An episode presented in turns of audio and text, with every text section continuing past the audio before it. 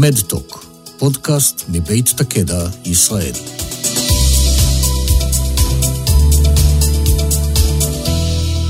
שלום רב, כאן מיכל זגון רוגל, בפודקאסט מבית הקדע ישראל, והפעם אנחנו מדברים על מיתוסים בסרטן ריאה.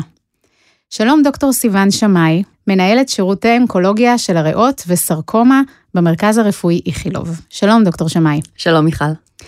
סרטן ריאה הוא אחד מהסרטנים הנפוצים ביותר, ובמהלך השנים נוצרו סביב המחלה מיתוסים רבים. חלקם נכונים, חלקם נכונים באופן חלקי, ויש מהם שאינם נכונים בכלל. היום אנחנו מבקשות לעשות סדר בכל הקשור למיתוסים ולתת לכם מידע נכון ומהימן על סרטן ריאה. אז אומרים שסרטן ריאה לא פוגע באנשים בגילאים צעירים. האם זה נכון ממה שאת פוגשת? אני חושבת שאולי פעם זה היה יותר נכון. אמ, אין ספק שהשכיחות של המחלה עולה ככל שהגיל עולה. רוב האנשים הם בני 65 ומעלה, אבל עם הזמן אה, אנחנו רואים יותר ויותר אה, מטופלים צעירים שמקבלים את המחלה. גם בשנות ה-30 שלהם, שנות ה-40 שלהם, יש בהחלט עלייה בשכיחות שם. שאת יכולה לקשור איזו סיבה בעלייה הזו? אני חושבת שרוב האנשים שעוסקים בתחום לא באמת יודעים להגיד מה הסיבה. אמ, אנחנו כן משייכים את זה לחיים בעולם אה, מערבי, אולי יותר זיהום אוויר, אולי משהו באורך החיים אה, מלא הלחץ שיש לנו, אבל קשה לשים את האצבע במיוחד. מעניין, תודה רבה. אה, סרטן ריאה, יש האומרים גם שהוא סרטן של גברים. הוא כמעט לא פוגע בנשים, כל החולים הם גברים, לכן הרבה פעמים גם נשים קצת בתת אבחון בגלל המצב הזה. מה דעתך? אמ, סך הכל כשאנחנו מסתכלים על המספרים ועל הסטטיסטיקה, אנחנו רואים שיש יותר גברים עם סרטן ריאה, אמ, אבל אין ספק שיש נשים עם סרטן ריאה, שזה בעצם אה, גורם הסרטן השלישי בשכיחותו בקרב אה, נשים, אה, יותר ביהודיות דרך אגב, ערביות פחות. מעניין, כי אצל גברים זה הפוך, אם אינני טועה. אצל גברים יש יותר גברים ערבים שחולים, וזה כמובן ביחס ישיר גם לעישון סיגריות. האם יש קשר בין החיים בעיר עם זיהום אוויר?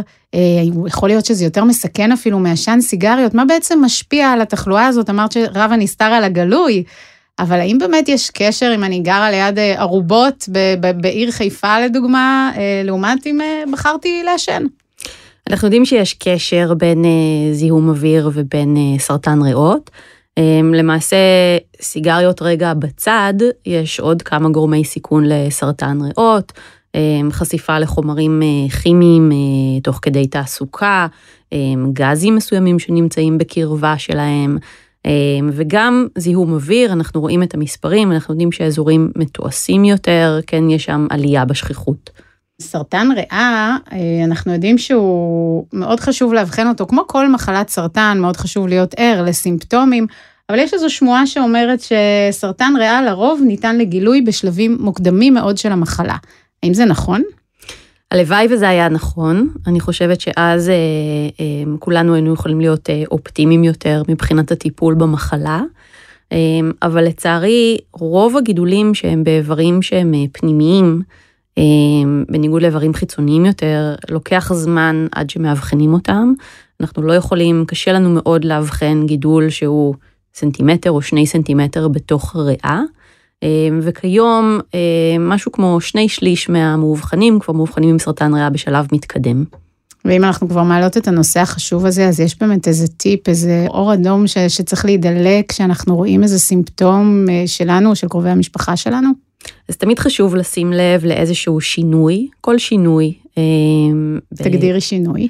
למשל, אה, מישהו שאתם רואים שהוא יורד במשקל, אה, ואין לכם איזושהי סיבה, לא כמובן אה, דיאטה מכוונת או איזשהו ניתוח בריאטרי למשל. מישהו שעייף יותר מהרגיל, שצריך לנוח, פחות אנרגטי. אנחנו כן רואים הרבה סימפטומים כלליים בסרטן ריאה, כמו שציינתי, ירידה בתיאבון, שינוי באורח החיים. אה, וכמובן צריך לשים לב לסימפטומים נשימתיים, אה, אנשים שמספרים על קוצר נשימה, על שיעול, אה, איזשהו כאב בדופן החזה שיכול לרמז לפעמים על מחלה שנמצאת בקצה הריאה. כל סימפטום למעשה שמעלה איזשהו חשד למשהו נשימתי. האם הקורונה עכשיו ותסמיני הפוסט-קורונה העלו קצת אולי את הבליל המחשבות בנושא הזה? אז קורונה, אה, אין ספק שקורונה מסבכת את החיים של כולנו, גם אנשים רגילים, אה, גם אנשים שחלו, בני משפחה.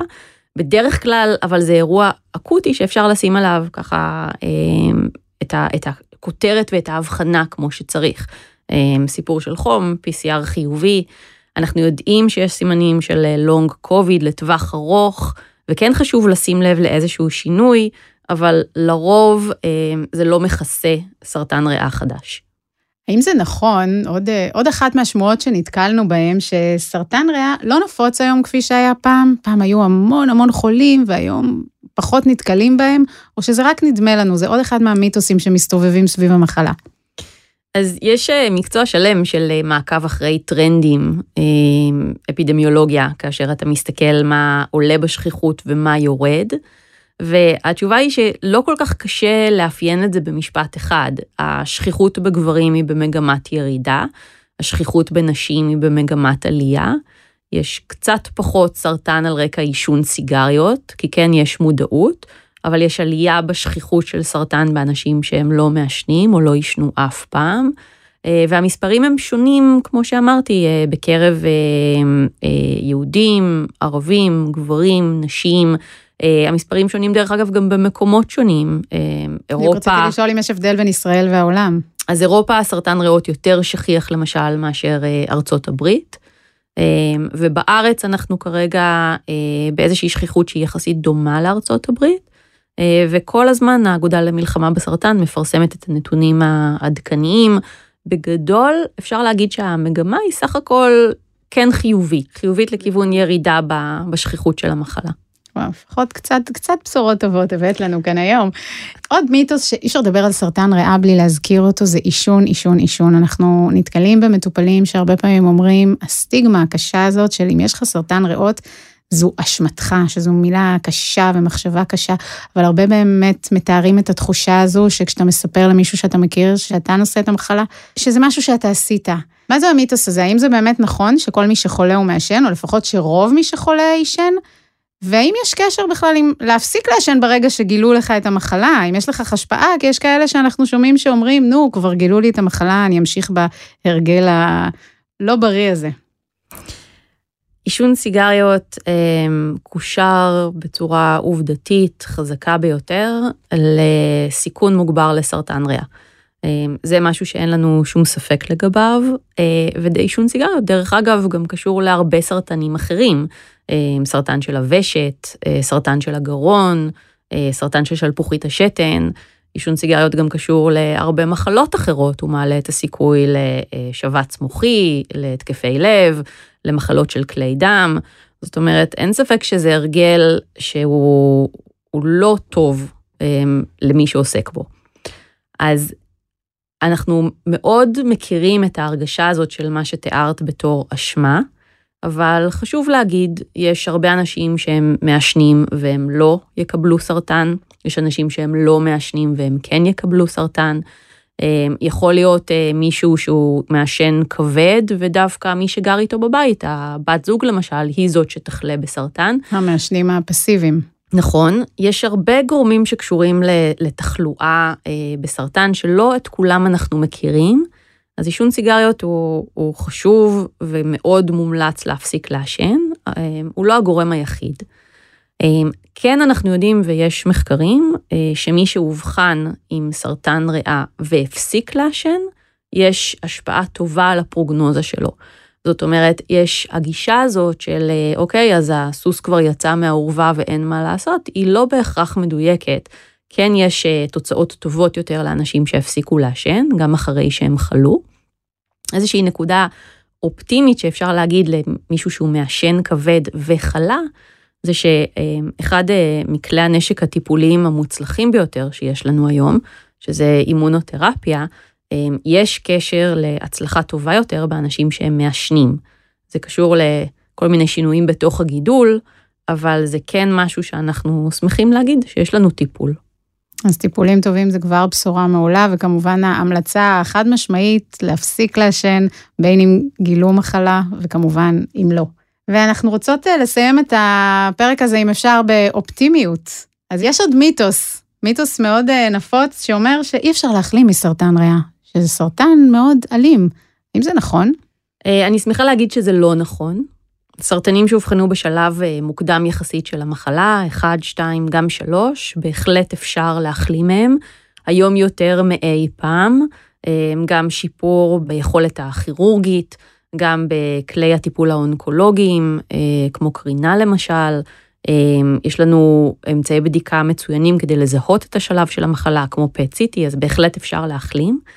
ובצורה שהיא יותר נדירה, אבל קיימת, אנחנו כן רואים איזשהו עיצוב מחלה לטווח ארוך בסרטן ריאה גרורתי.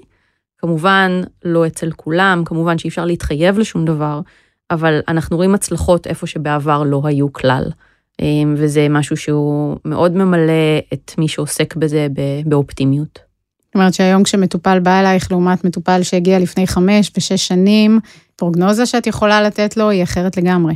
חד משמעית. אה, מטופל שהגיע אליי לפני כמה שנים, אה, קיבל סוג אחד של כימותרפיה, סוג שני של כימותרפיה, ולרוב אמ, כשהטיפול עזר, הוא עזר לטווח קצר יחסית. היום אני שמחה להגיד שאנחנו, יש לנו היצע מאוד גדול של טיפולים. נסמך מאוד על תרופות אה, ביולוגיות אה, ועל אימונותרפיה, ואנחנו בהחלט, בהחלט מרגישים את השינוי בתחום הזה, כולם, כל מי שעוסק בו. מדהים, תודה רבה על ההסבר, דוקטור שמאי. אני, אני תוהה אם המטופלים באים לדבר איתך על הדברים האלה, על כל המיתוסים שהם שומעים וקוראים בדוקטור גוגל, כמו שידוע לך. יש באמת היום עם מי לדבר כשמטופל חולה והוא שומע את כל המשפטים הקשים האלה והולך קצת מבולבל לפני המסע שלו? אני חושבת שכשהמטופל אה, מולי במרפאה, אה, קצת קשה לו לבוא ולשאול שאלות כלליות כאלה, אה, למרות שלדעתי זה בהחלט מעניין אותו והוא היה רוצה לדעת. אני חושבת שהוא מנסה יותר להתמקד בדברים שקשורים אליו, נגיד מה השורה הזאת ב-CT אומרת, או איך אני הולך להרגיש מבחינת התופעות לוואי של התרופה שתתני לי. אמ, ואני שמחה שאנחנו יכולים אה, להכין בעצם את השיחה הזאת כדי קצת אה, לתת מידע כולל. אמ, אני גם חושבת שזה כן חשוב לקבל כמה שיותר מידע, לקרוא על המחלה, להבין אותה, להכין שאלות. כל מטופל שיש לו ככה איזשהו אי ודאות לגבי המחלה שלו ומה זה אומר, בהחלט מוזמן להיכנס, יש הרבה אה, מידע, יש אה, אתרי אינטרנט ספציפיים אה, שעוסקים בחומר הזה, ואני בהחלט מעודדת אה, ידע. זה מעניין, את בתור רופאה אוהבת את זה שמגיעים אלייך כבר עם הידע ומוכנים וקוראים, כי אנחנו מכירים הרבה פייק ניוז, ומאוד קשה למטופל לסנן ולדעת מה אמיתי ולא אמיתי, ואנחנו מדברות היום על מיתוסים, איך אפשר לסנן את כל המידע הזה. יש המון מידע שם בחוץ, אה, מטופל שייחשף למידע הזה ולא יהיה לו איזושהי יד מכוונת, יכול בקלות לעלות על איזשהו מסלול לא נכון. אה, ספציפית אני יכולה להגיד לך שיש הרבה מידע מוטעה לגבי כל מיני דיאטות קיצון שאמורות לנקות את הגוף, אה, ובסופו של דבר חבל, חבל לקבל מידע מוטעה. אז תמיד כדאי לדבר על זה עם הרופא המטפל, לשאול ולהתייעץ. בהחלט. תודה רבה לך, דוקטור סיון שמאי, מנהלת שירות אונקולוגיה של הריאות וסרקומה במרכז הרפואי איכילוב. תודה, מיכל, תודה שהזמנתם אותי. תודה.